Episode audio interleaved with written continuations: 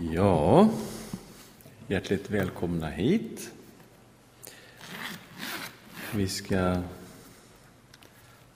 ha någonting nytt här idag. Apostlagärningarna. Det blir ju jättespännande.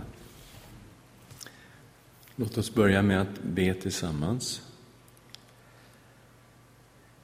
Tack Herre för att vi får stilla oss inför dig och inför ditt ord. Tack Herre att du vill tala till oss genom ditt ord. Du som är så levande och så verksam genom hela apostlagärningarna. Och vi ber Herre att du ska öppna våra ögon och ta oss rakt in i denna bok. I Jesu namn. Amen. Ja, vi brukar börja med en bakgrund och vi ska inte svika detta utan vi ska försöka göra ett bakgrundsstudium över apostlagärningarna och då är det ju så att det finns ett antal frågor vi ställer till texten, till boken och se vad vi kan hitta svar på. Så vi börjar med författarfrågan. Vem är det som är författare till den här boken?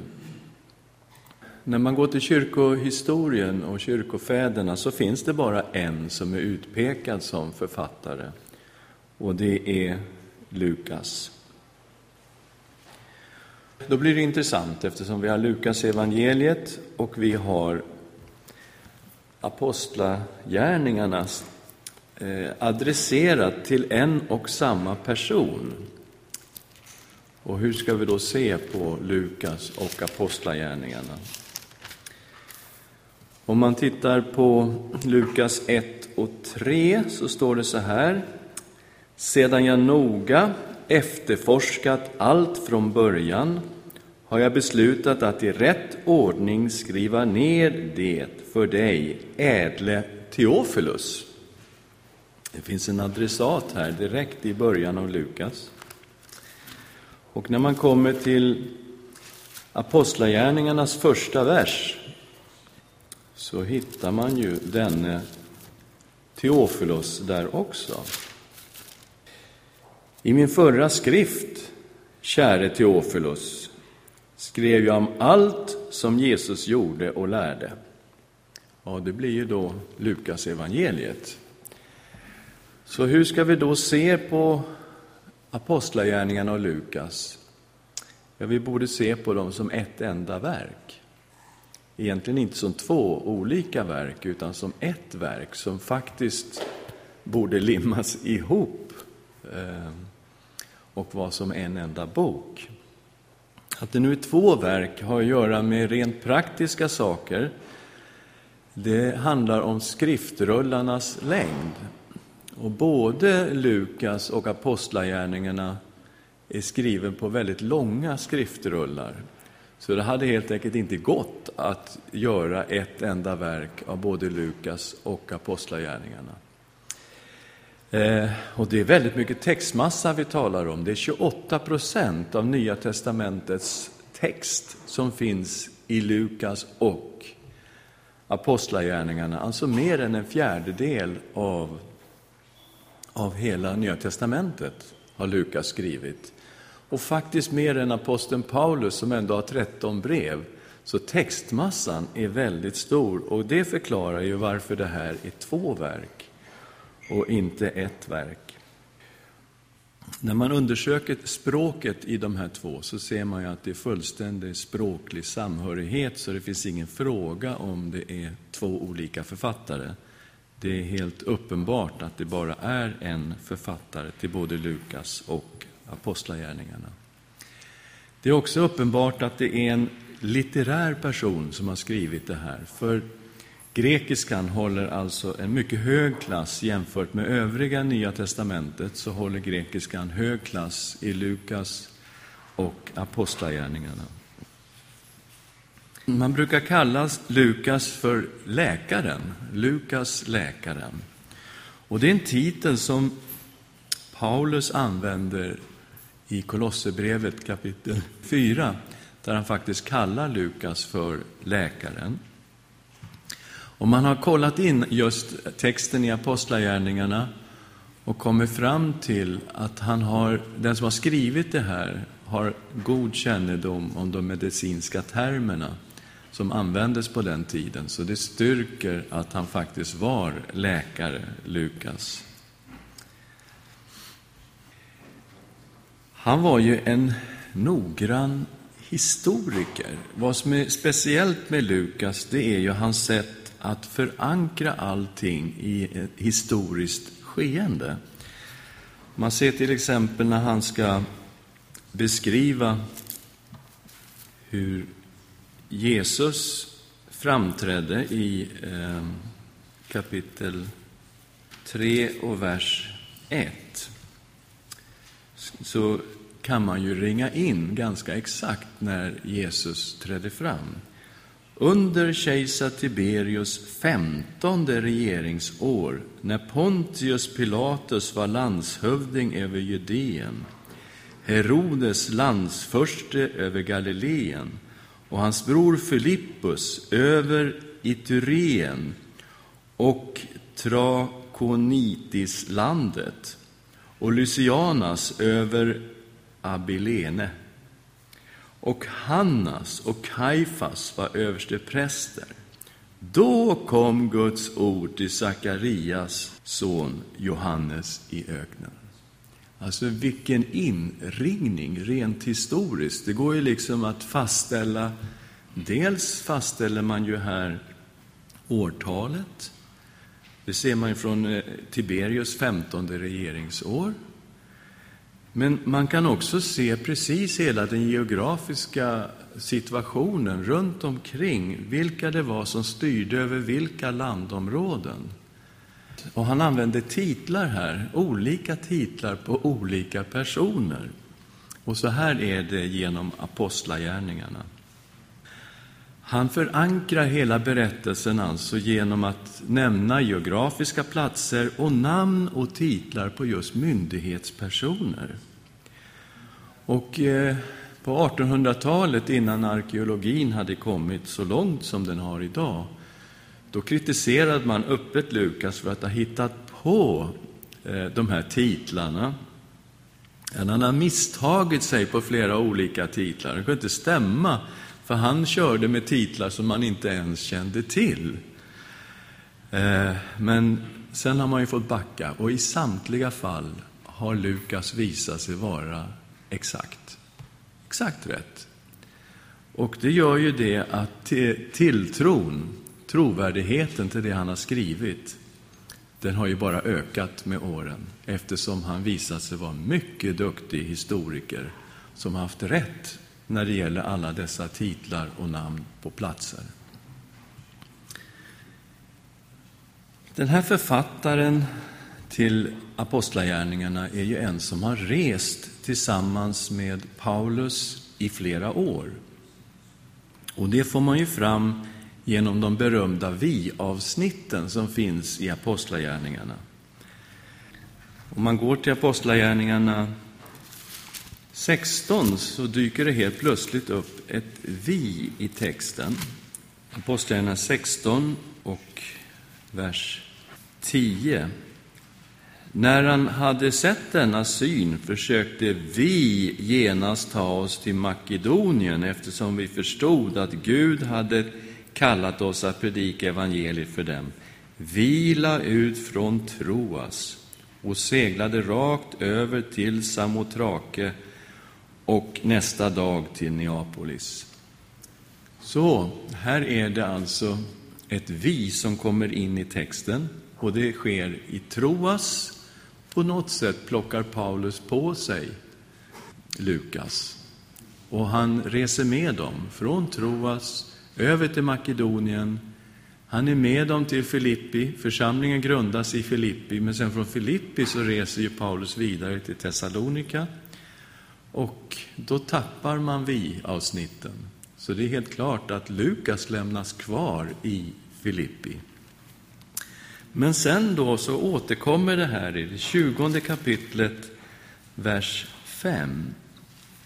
Dessa reste i förväg och väntade på oss i Troas Efter det osyrade brödets högtid seglade vi själva från Filippi och fem dagar senare träffade vi dem i Troas, där vi stannade i sju dagar. Och det här vi-avsnittet dyker alltså upp i Filippi. Och det är flera år senare, så det kan vara så att Lukas faktiskt varit kvar i Filippi under hela den här tiden. För när Paulus kommer upp till Filippi och så åker han därifrån, då kommer ett nytt vi-avsnitt in. Och det är då kapitel 20, vers 5-15 den här gången. Och sen har vi ett nytt i 21, 1-18 och sen 27 och 28, de kapitlen. Och det tyder på att han är med honom under hela den här avslutande delen av Apostlagärningarna. Och när man tittar på vi-avsnitten så har de också just sådana här detaljer eh, som ett ögonvittne skulle ha lagt märke till. Så han har ju själv rest med aposteln Paulus, det är ju helt klart. Vilka källor kan Lukas ha haft? Eh, han har ju inte bott i Israel på Jesu tid. Han är är mycket lärd person. Han har alltså en hög grekiska i sig. Han är läkare. Han plockas upp av aposteln Paulus i Troas. Och då man talar idag, Troas ligger ju i västra delen av Turkiet. Så vad har han haft för källor? Ja, han har ju rest många år med Paulus, så det blir ju en huvudkälla för informationen om den första kristna församlingen. Och Paulus, han reste ju en lång tid med Barnabas som var med ända ifrån början. Så Paulus egentligen räcker som informatör för det som står här i Apostlagärningarna. För det, alla de här detaljerna innan Eh, Paulus kom in i bilden och fanns i Jerusalem och så vidare, så de bitarna, Jerusalembitarna, de hade ju Barnabas på sina fem fingrar. Men sen är han alltså med Paulus när de reser på tredje missionsresan och kommer till Jerusalem med Apostlagärningarna 21.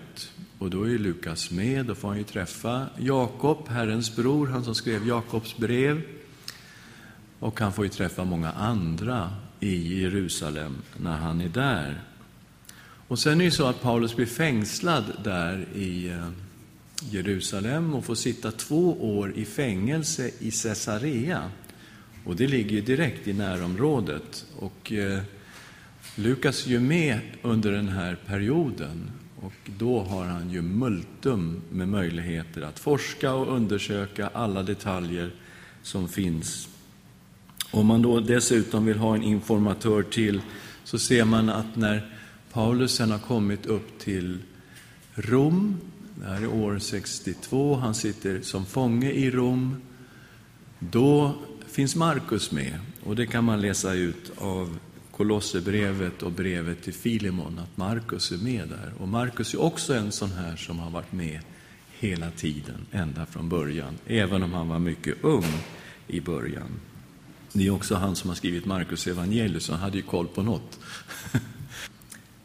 När man ser hur han inleder Lukas evangeliet så ger han också en bild av en sorts historiker, en sorts vetenskapsman som har gått i botten med det här och verkligen skriver det som är tillförlitligt. I Lukas 1-4 står det så här, kapitel 1, vers 1-4. Många har sammanställt en skildring av de händelser som har fått sin uppfyllelse bland oss.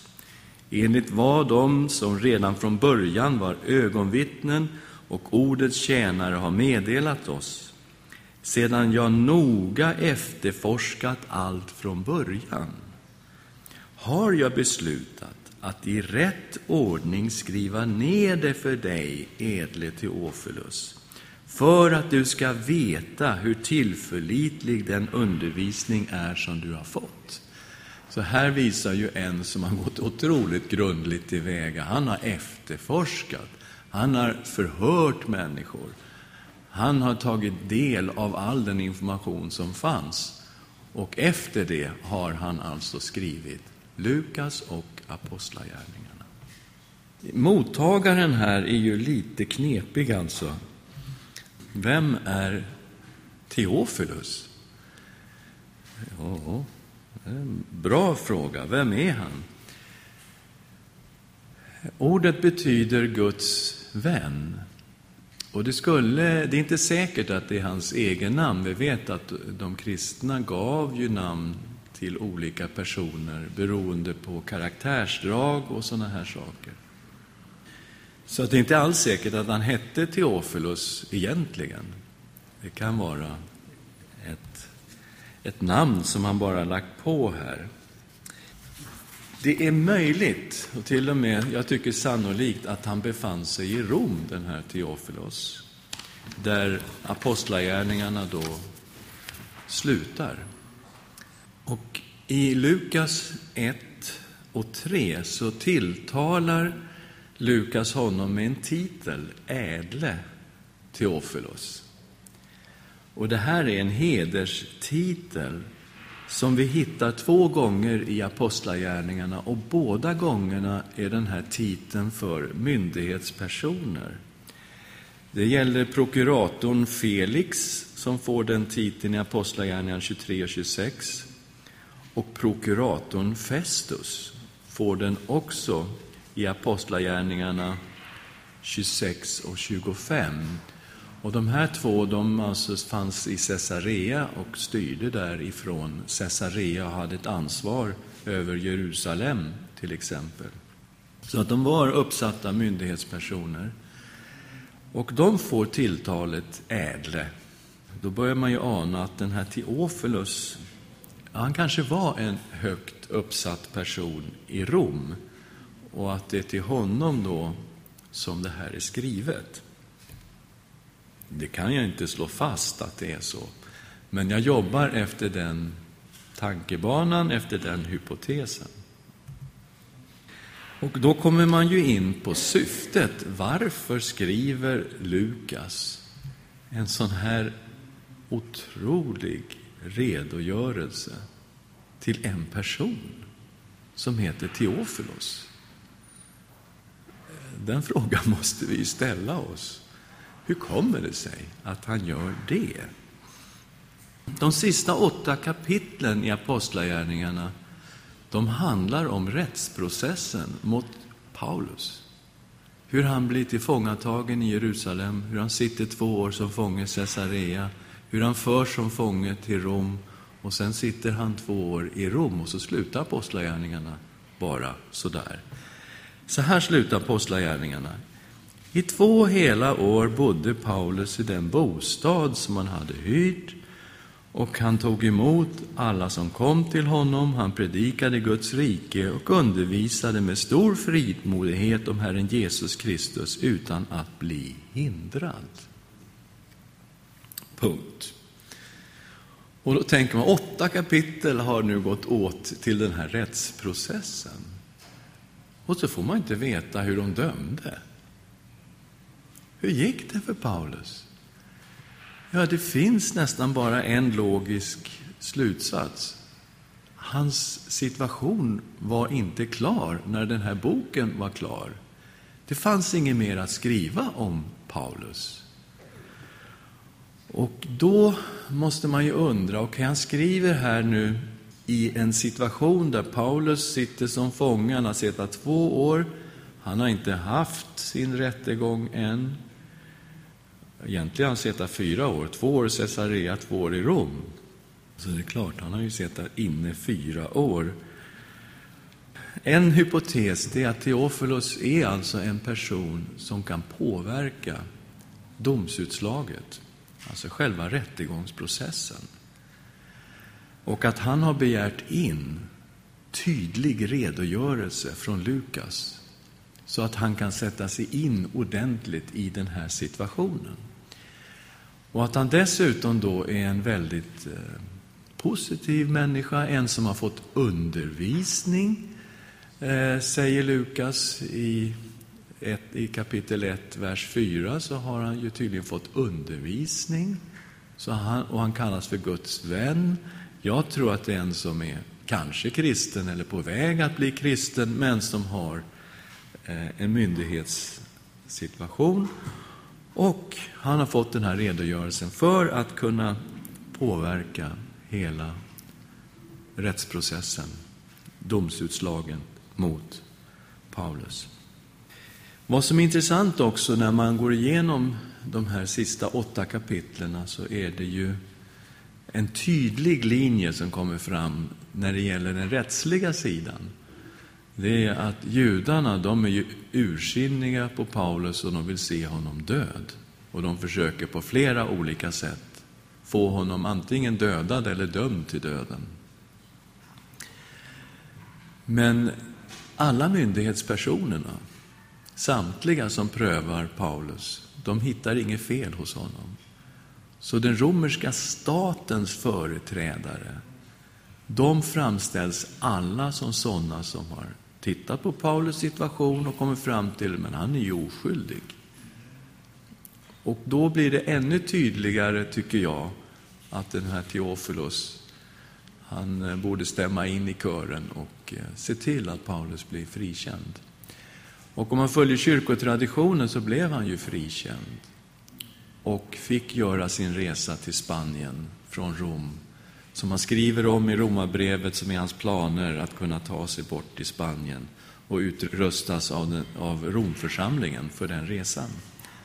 Och enligt kyrkohistorien då, så gjorde han den resan, fast den inte förstås kan rymmas inom apostlagärningarna som är färdigskriven år 62, det är ju självklart. Då kommer vi till dateringen och enligt det här resonemanget så slutar boken då år 62 i Rom och då daterar vi Lukas evangeliet till år 62 i Rom. Det betyder att vi också daterar Lukas samtidigt. Vi ser det här alltså som en bok. Så vi sätter Lukas också så tidigt som år 62. Innehållet här nu då. Eh, här finns det ju då ett, ett fokus kan man säga på Petrus och på, på Paulus. Eh, kallas för apostlagärningarna. Det är sant att apostlarna räknas upp här i början av apostlagärningarna, men vi får ju inte följa några av dem förutom Petrus egentligen. De är ju uppräknade, hela gänget, alla elva, och sen väljer de då Mattias och så blir de tolv och sen, ha, är det här apostlagärningarna? Det blir ju lite knepigt. Varför har de gett en sån titel till den här boken som tydligen inte hade någon titel utan var ett verk, Lukas och Apostlagärningarna ihop. Men helt plötsligt nu då när Nya testamentet sätts samman på 300-talet så delar man på de här verken och sätter en titel på den här boken. Vad ska den heta? Ja, vi kallar den för Apostlagärningarna. Ja, och vilka apostlar pratar vi om då? Ja, Petrus, han är den ende av de tolv som man får följa med något sånär nära håll. Och sen kommer Paulus in i bilden. Och framförallt från 13 kapitlet till slutet, det 28, så följs ju aposteln Paulus. Så egentligen kan man säga, här fokar ju då på Petrus och Paulus. Petrus de första 12 kapitlerna och sen Paulus. Ja, ett bättre namn skulle kunna ha varit Jesu fortsatta gärningar. Och då är det så att Jesus fortsätter och verkar i och genom sin församling. För de gör allting i Jesu namn. De döper i Jesu namn, de predikar i Jesu namn, de helar i Jesu namn. Det är liksom vad Jesus gör genom sin församling som kommer fram i Apostlagärningarna. Ett annat namn som jag tycker också skulle varit bättre är den heliga Andes gärningar i Jesu namn. För det är ju helt uppenbart att när den heliga Ande kom över dem och de blev döpta i den heliga Ande på pingstdagen, så blir det en fullständig revolution i deras liv. Och här sker under och tecken och evangeliet sprids i den heliga Andes kraft. Rakt igenom den här boken. Eh, men nu har vi alltså apostlagärningarna framför oss och vi har framförallt två av apostlarna. Sen ser man också spridningen här. Eh, man får inte veta hur evangeliet spreds söderut och man får inte veta hur det spreds österut. Däremot ser vi evangeliets spridning norrut och västerut mot Rom. Så det är alltså en begränsad del av spridningen som vi också får del av. Man kan inte bara säga, ja men så här spreds evangeliet, punkt. Nej. Apostlarna var verksamma och de gick både åt norr, väster, öster och söder. Men det får vi inte reda på riktigt i den här boken. Den, är, den följer en eh, kronologi, den här boken. Och vi ska titta lite på viktiga årtal, för att det är lite grann så den är skriven. Den är kronologiskt skriven. Jesu död och uppståndelse eh, utgår här från år 30, kan lika gärna vara år 33. Det beror lite grann på hur man läser Galaterbrevet eh, kapitel 1 och 2.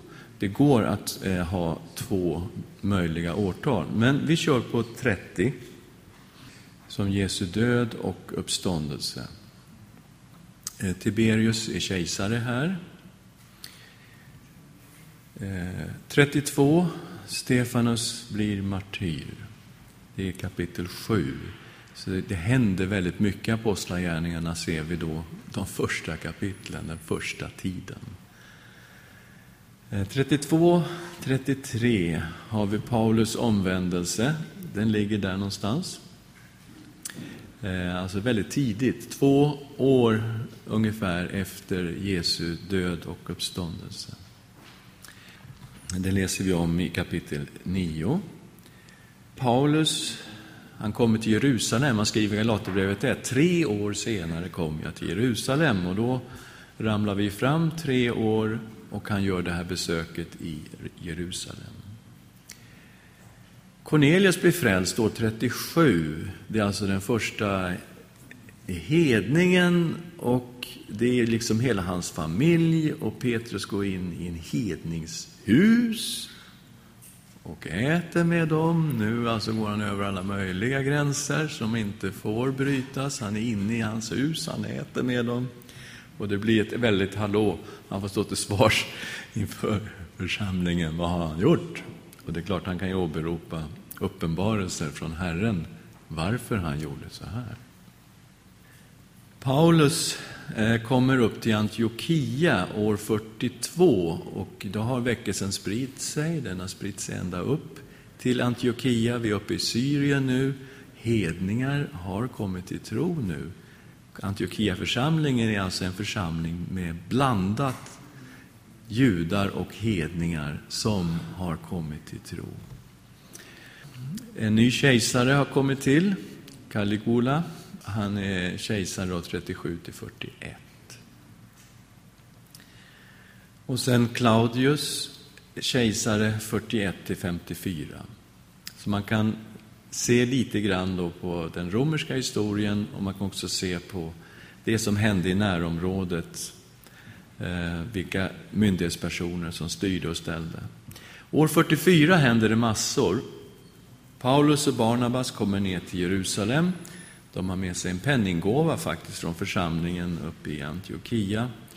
Därför de har fått en profetia på att det skulle bli hungersnöd där nere och då samlar de in pengar och så skickar de ner Paulus och Barnabas. Det är kapitel 11. Här i tolfte kapitlet så blir Jakob, Johannes bror, Sebedeus son, martyr. Han blir marterad och det är Herodes Agrippa den förste som agerar för att behaga judarna. Och hans namn röjer att han har ett sorts släktskap med den här Herodes den store som styrde när Jesus föddes och som är ansvarig för alla barnamorden i Betlehem. Och han är faktiskt sonson till honom, den här killen. Och han är då ansvarig för att Jakob, aposteln Jakob, blir martyr. Men vi får en ny ledare i församlingen därför att Petrus han tas också till fånga, han sätts i fängelse, han ska ställas inför rätta och man är ganska säker på att de kommer avrätta också Petrus. Men församlingen ber och ber och ber och ber och så kommer en ängel, går rakt in i fängelset, lossar på alla bojorna, släpper ut Petrus och eh, församlingen fattar inte vad som händer. Han går till ett hus där, knackar på dörren. De, det är hans ängel som står där utanför och de är inte riktigt med på vad det är som händer. Men till slut så lyckas de få in Petrus och eh, Petrus får förklara då vad som har hänt, att Herren sände sin ängel. Men han säger att eh, innan han ger sig iväg från Jerusalem, han måste fly för sitt liv, så överlåter han ledningen till Jakob, Herrens bror.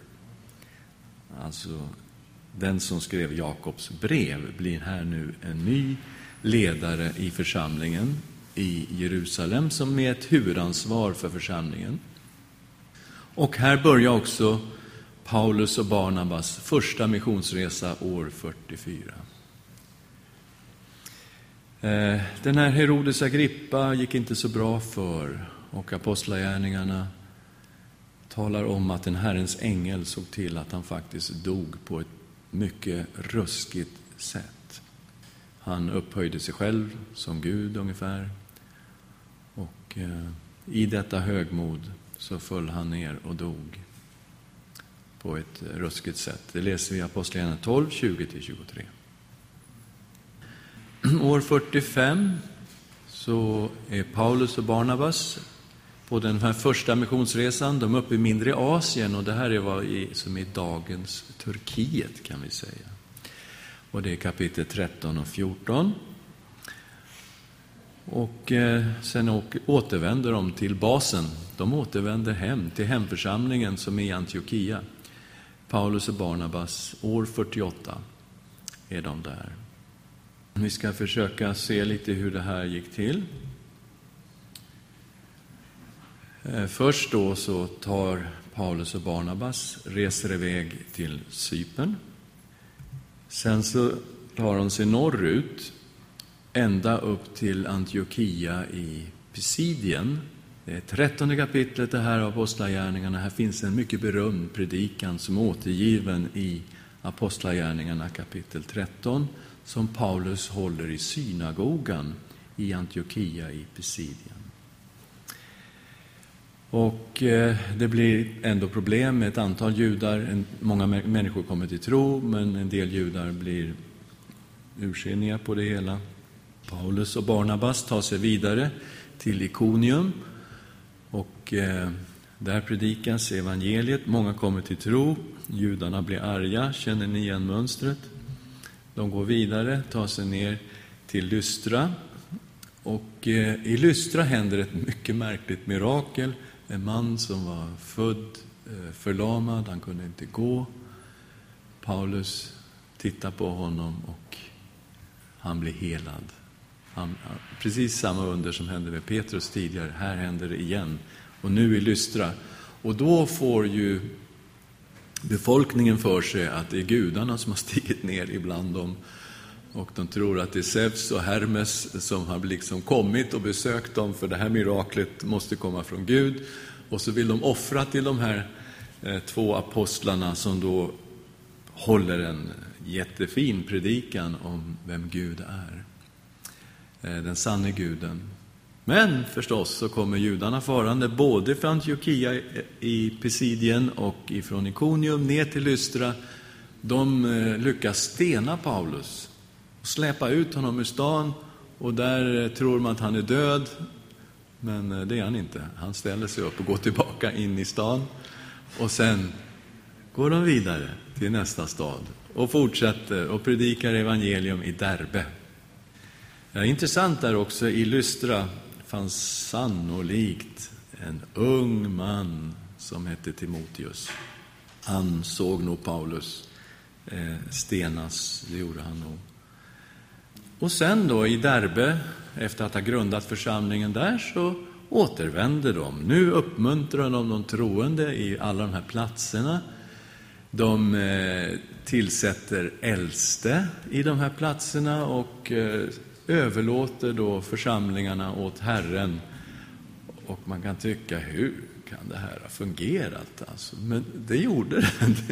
De överlåt dem här åt Herren.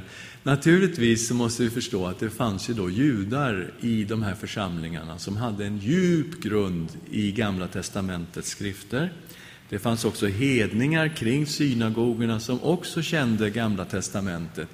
Så det var ju inte hedningar på det sättet att det inte fanns någon sorts biblisk grund.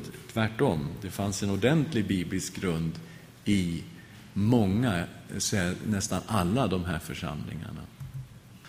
Och sen back to base. Och eh, det här ser vi nu, han kommer efter första resan tillbaks till Antiochia. Vi går vidare i våra årtal. Vi kommer till 49-50. Vi har det här jätteviktiga apostlamötet i Jerusalem i kapitel 15 av Apostlagärningarna. Här avgörs ju hur ska det gå för hedna kristna. Vad ska hända med dem? Måste de omskäras? Måste de hålla hela Mose lag? Vad är det som ska hända? Och det här är så viktigt, för det påverkar det faktiskt hela världsmissionen och det faktum att vi sitter här, det beslut som de tog där, 49-50 i Jerusalem. Tänk om de här fariseiska gänget hade vunnit. Vad hade hänt? Jo du, det ska vi titta in när vi kommer då. Eh, år 50, andra missionsresan, han åker tillbaka till samma områden. År 51 är han nere i Korint, han är där ett och ett halvt år. Och här skrivs Första Thessalonikerbrevet år 51. Det är det första av Paulus brev. Och han skriver också Andra Thessalonikerbrevet från Korint. Det står att Felix blir prokurator där år 52. Och det är den Felix som Paulus måste stå till rätta inför i Caesarea många år senare. Han förhörs av Felix, han sitter i fånge hos honom. Och sen då eh, till Antiochia igen. Då. Back to base, det är så det ser ut. Och vi ser här hur han eh, tar sig upp norrut den här gången, landvägen upp till Tarsus. Han var ju från Tarsus. Det står inte vad som hände där, men han träffar säkert släktingar, kan jag tro, Paulus. Nu på andra resan har han med sig Silas. Eh, det är de två som drar iväg. Och vad de gör är att de återvänder till de olika församlingarna som är grundade och uppmuntrar dem, ger dem undervisning. De har ju också med sig ett brev ifrån församlingen i Jerusalem som är väldigt viktigt, vad hedna kristna måste tänka på. Eh, det är ju beslutet där som de har i bakfickan och det måste ju meddelas till alla församlingarna, självklart. De kommer upp där till Ikonium och de är tillbaka upp mot Antiochia i Pisidien. Och sen far de upp och grundar Galaterförsamlingen. Det kan man ju lista ut när man läser brevet till Galaterna, att det är nu som Paulus grundar den här församlingen. Och den ligger här uppe i mellersta Turkiet. De har problem här, att de blir hindrade att resa. De har resplaner hit och dit, men det blir stopp och det blir problem och det blir svårigheter och till slut landar de nere i Troas. Det här vi plockar på Lukas. Det här aposteln Paulus får en vision av en makedonisk man som säger Kom över och hjälp oss. Och då fattar de varför de har landat i Troas. Jaha, evangelium ska till Europa också. Är det möjligt? Okej, okay, vi tar oss över till Grekland, får vi se vad som händer. Och visst, de kommer till Filippi, Apostlagärningarna 16. Här grundas ju nu församlingen i Filippi. Och den är ju väldigt väl beskriven i Apostlagärningarna, just den församlingen som låg så nära Paulus hjärta, ser vi i Filipperbrevet, som han faktiskt skrivit ett kärleksbrev till, kan vi säga. Och sen då drar de vidare. De kommer ner mot Thessalonika. Han är inte där så länge, men en församling grundas och det blir ett väldigt hallå. Judarna är riktigt arga alltså på denne apostel. Och eh, de måste ta sig vidare ganska snabbt och de tar sig vidare ner till Berea. Här är de ädlare, står det, de troende, de, eller judarna. De undersöker skrifterna, de kollar, stämmer det verkligen det här som aposteln Paulus säger, att Jesus är Messias? Men eh, de från Thessalonika, de kommer ner dit och eh, de måste skicka iväg Paulus. Det är han de är arga på. Så Silas och Timoteus, ja de får sitta kvar där. De stannar i Berea för att göra lite uppföljning.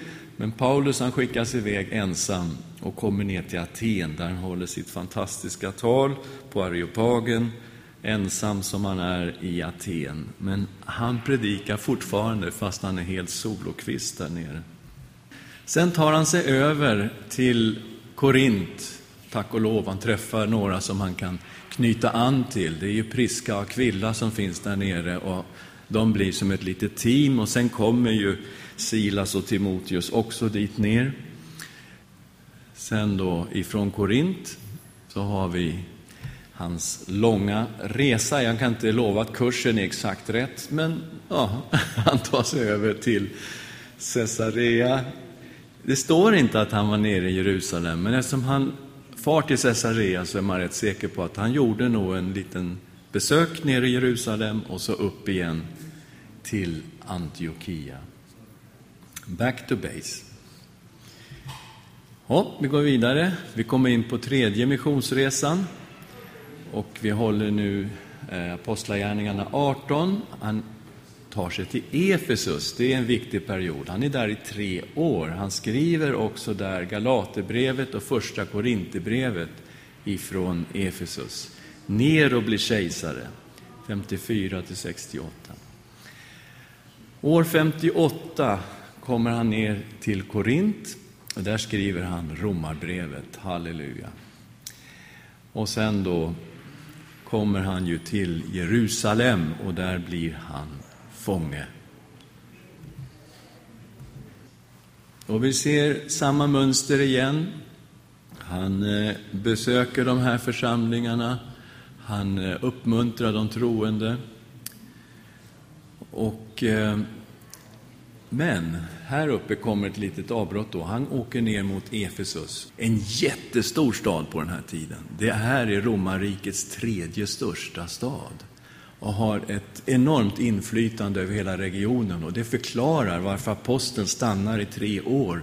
För hit kommer folk ifrån alla de här olika platserna. Så han har ju ett input rakt in i hela den här regionen nerifrån Efesus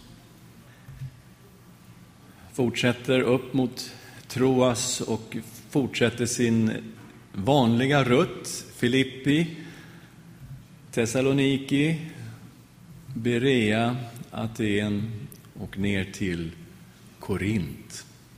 Och eh, vad han gör här uppe i Grekland, i Makedonien, här i de församlingarna, han gör en insamling. Därför att eh, han ska till Jerusalem, han vet det. Han gör en stor insamling. Alla de här makedoniska församlingarna får samla in pengar. Och han har planer på att ta båten direkt över, men så får han veta att judarna de ska försöka döda honom på vägen. Så han eh, skickar iväg halva teamet si och själv åker han med halva teamet så och åker landvägen och på något sätt lurar han eh, gänget där.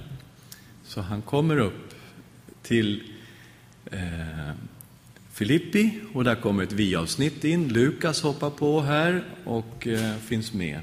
Han kommer till Troas, han predikar jättelänge, som jag brukar göra. Det är en man som somnar, en ung man som somnar och ramlar ut i fönstret där i Troas. Man brukar säga lite skämtsamt att jag är väldigt lik aposteln Paulus, eh, men bara på ett enda sätt. kan predika länge han är mån om att hinna till Jerusalem, så han åker förbi Efesus faktiskt. Han säger, nej båten ska inte stanna där, utan vi tar oss till Miletus. Och då får de äldste från Efesus komma ner, så håller han ett fantastiskt tal till de äldste i Miletus, som är återgivet i Apostlagärningarna. Men han vet att om han går in i Efesus så kommer han inte därifrån, det blir liksom hopplöst. Han har bråttom. Han ska framför allt ta sig med båten till Jerusalem. Han landar i Tyrus och sen tar han sig ner till Jerusalem. Och där går det inte riktigt som han har tänkt sig. Han har ju planer, han har ju skrivit borta i Karint att han vill komma till Rom, han vill besöka församlingen, utrustas av dem. Eh, han kommer ju till Rom, men inte som han hade tänkt. Han blir en fånge. Och han fängslas, han tas till Caesarea, han sitter två år där han får förhöras inför Festus och inför Felix. Och till slut då när judarna ligger på och det ser inte ut att bli någon snabb lösning så vädjar han till kejsaren. Och som romersk medborgare har han rätt att få sin sak prövad inför kejserlig domstol och han förs som fånge till Rom. Och han kommer dit då år 61, sitter där som fånge. Här skrivs de viktiga fängelsebreven. Han skriver Kolosserbrevet, Efesierbrevet, brevet till Filimon och Filipperbrevet. Och Lukas, halleluja, han skriver Apostlagärningarna och Lukas evangeliet. Det är mycket skrivande där i Rom, tydligen. Och eh, fången Paulus förs alltså först från Jerusalem till Caesarea, där han sitter i två år. Sen så tar de en båt från Sidon, åker de. De åker till ett ställe som heter Myra, lustigt nog. Sen kommer den här vådliga sjöresan, skeppsbrott, 14 dagar, driver omkring i havet och landar på i Malta. Ja, Eh, det är två öar som har samma namn. Och eh, i folkbibelns karta så är det den här ön som de förordar och det tycker ju inte folk på Malta är särskilt kul.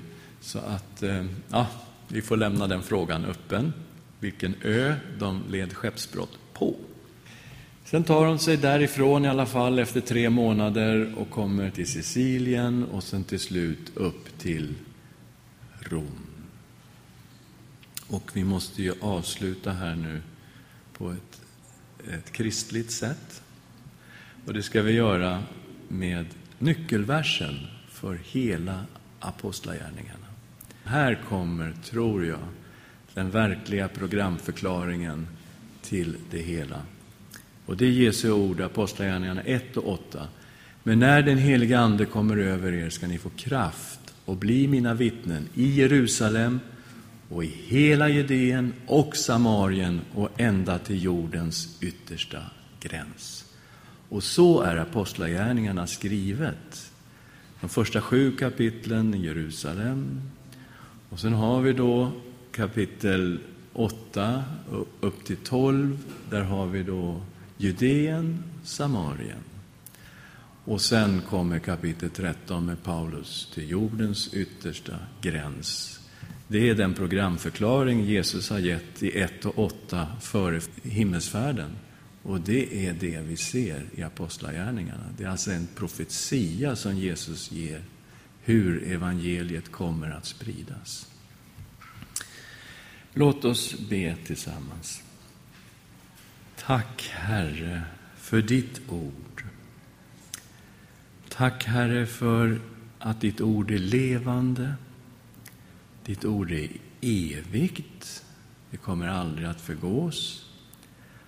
Och vi tackar dig, Herre, för att det är du som har inspirerat denna skrift, Apostlagärningarna. I Jesu namn. Amen.